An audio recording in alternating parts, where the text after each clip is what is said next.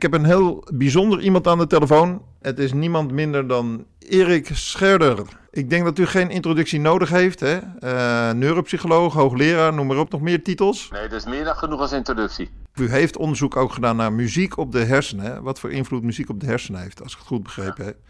En wij zitten natuurlijk bij de radio en we maken een ochtendprogramma. Dat heet Samen Wakker. En ik was toch wel benieuwd van... welke soort muziek kan ik nou het beste draaien voor onze luisteraars in West-Friesland? En waarom? Ja, dat is, een, wel een beetje een, best wel een complexe vraag natuurlijk. Want uh, je kan zeggen, nou, stel dat je nou wakker wil worden in een, uh, in een prettige atmosfeer. Uh, dan hangt het natuurlijk een beetje vanaf van welke muziek je houdt. Dus de een zal denken, ik word graag wakker bij klassieke muziek. En de ander denkt, ja, maar voor mij is juist een beetje uh, hip-hop fijn. Of jazz. Of, ehm, nou. En het leuke is, dat bepaalt wel de hersenactiviteit. Dus daar waar je van houdt dat zorgt eigenlijk voor die activiteit in die neuronale netwerken, dus de, de hersengebieden en de verbindingen, die juist dat gevoel van een beetje mind-wandering, een beetje mijmeren, nou dat is eigenlijk precies wat je nodig hebt als je wakker wordt, een beetje mijmert, maar dat wordt wel bepaald door de muziek waarvan je houdt. Dus als ik het goed begrijp, het is heel persoonlijk eigenlijk. En wat je dan zou kunnen doen, denk ik dan gelijk van zoveel mogelijk verschillende nummers draaien. Wat ik nu doe ongeveer. Oh ja, ja, daar zit natuurlijk altijd iets bij voor iedereen, zeg maar. Dus dat lijkt me een uitstekend voorstel. Ah, oké, hartstikke duidelijk. En uh, u heeft ook onderzoek gedaan naar stress op de hersenen. Daar was ik ook wel even benieuwd naar. Vooral in, eh, in het westen hier. Snel, snel, snel. Stress, stress, stress. Veel burn-outs de laatste tijd. Is ook weer een uh, modetrend aan het worden bijna. En uh, wat, wat heeft dat nou voor invloed op de hersenen, die stress? Ik heb natuurlijk meer dan alleen maar die negatieve stress. Ik, ik, ik, ik vind het altijd leuk om even iets te vertellen over de positieve stress dus stel, mensen moeten even pieken in hun werk. En uh, denken, nou, nu, nu komt het erop aan. Ja, dat is gewoon super positieve stress. Je maakt ook cortisol aan, het stresshormoon. Maar dat heb je ook nodig. Je kunt niet zonder dat hormoon. En als je dan juist lekker gaat pieken. En je, ja, nu moet ik het goed doen. Ja, dat is ook stress. Maar die heb je gewoon super hard nodig. En is ook gezond voor mensen. Er is niks mis mee. Er, er gaat pas wat mis als je merkt. Chronische stress. Ik heb steeds spierspanning mijn hartfrequentie is altijd te hoog. Uh, ik slaap slecht. Of slechter. Kijk, daar, daar wacht niemand op. Wat er dan gebeurt is dat je te veel cortisol aanmaakt. Dat gaat s'nachts naar beneden. S'morgens heb je weer een piek. Maar als dat alsmaar door en door gaat, dan zijn er een aantal hersengebieden die daaronder te lijden hebben.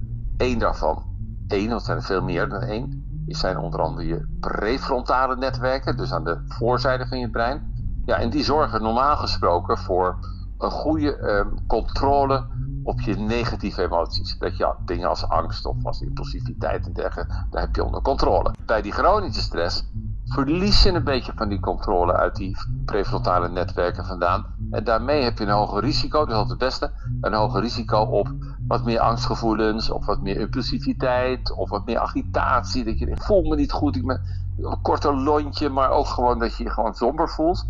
Ja, omdat die controle eigenlijk verminderd is. Ja, ja, dus als ik het even heel kort mag samenvatten, is, is eigenlijk stress is ooit uitgevonden om ons juist beter te laten functioneren in eerste instantie. Maar als je te lang aan, aan, aan blootgesteld wordt, is dat niet zo best, zeg maar.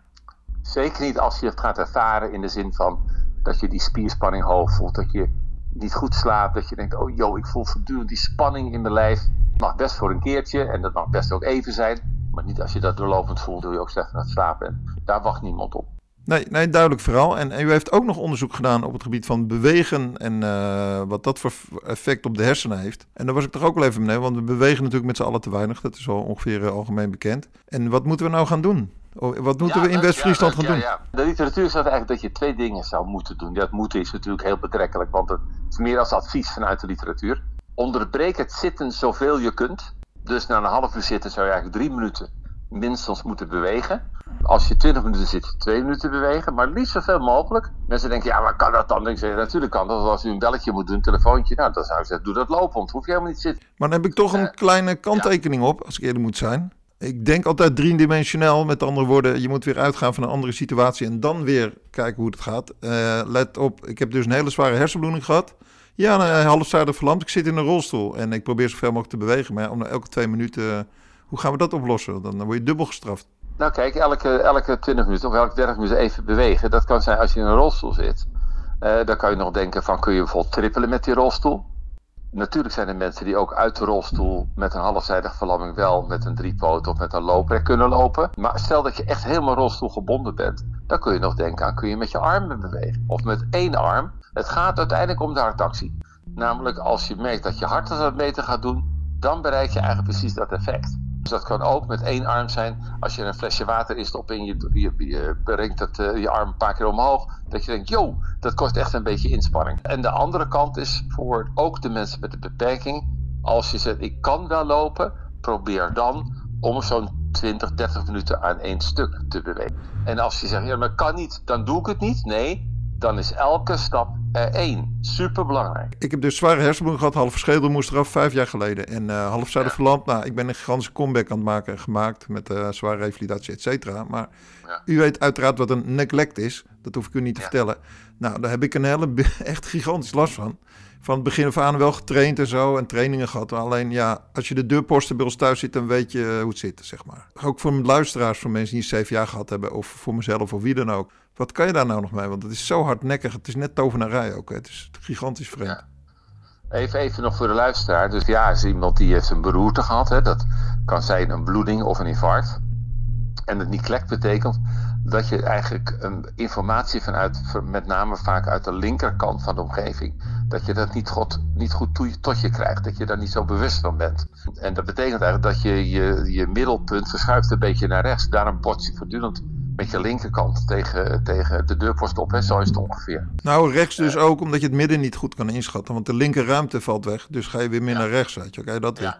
Het is een lastig probleem. Het is wel heel, heel opvallend, eigenlijk of misschien een beetje toevallig. Dat juist deze week iemand weer contact opnam die zei... Ik, ik heb een muziektherapie. Ja. Die uh, juist bij mensen die nog steeds een neglect hebben. Die verwaarlozing als het ware van die linker ruimte of van de rechterruimte. Um, na jaren na de beroerte, ja. dat de muziektherapie daar toch zo'n groot effect op heeft. Een gunstig effect op heeft. Ja, ja. Ik, ik doe uh, veel sporten, heel veel. Vijf dagen in de week, inclusief fysiotherapie nog. Ik doe schilderen, wat ik nooit gedaan had. Ik doe uh, zingen, wat ik nooit gedaan had, met muziek in een bandje. En ik merk wel dat ik daar onwijs van opgeknapt ben door al die verschillende dingen te doen, weet je wel. Als je de gelegenheid hebt en u uh, heeft deze kansen genomen, is het natuurlijk fantastisch als je dat kunt.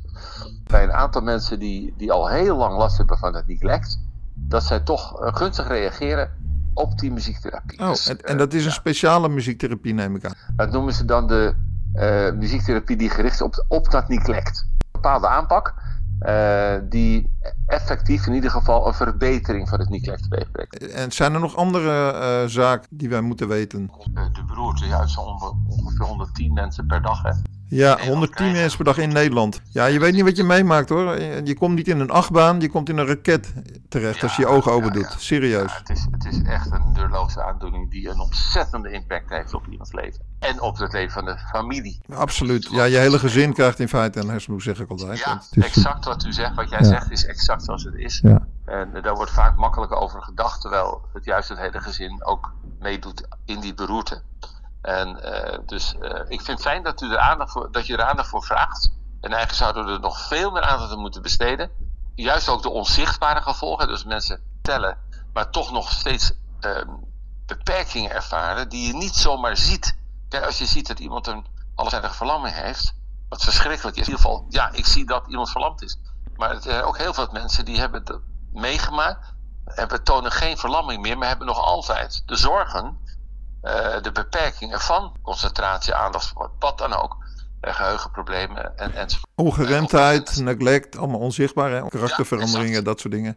Ja, helemaal juist. Dus het is fijn dat, u, dat je het onderwerp weer op deze manier te sprake brengt. Oké, okay, nou, u bedankt.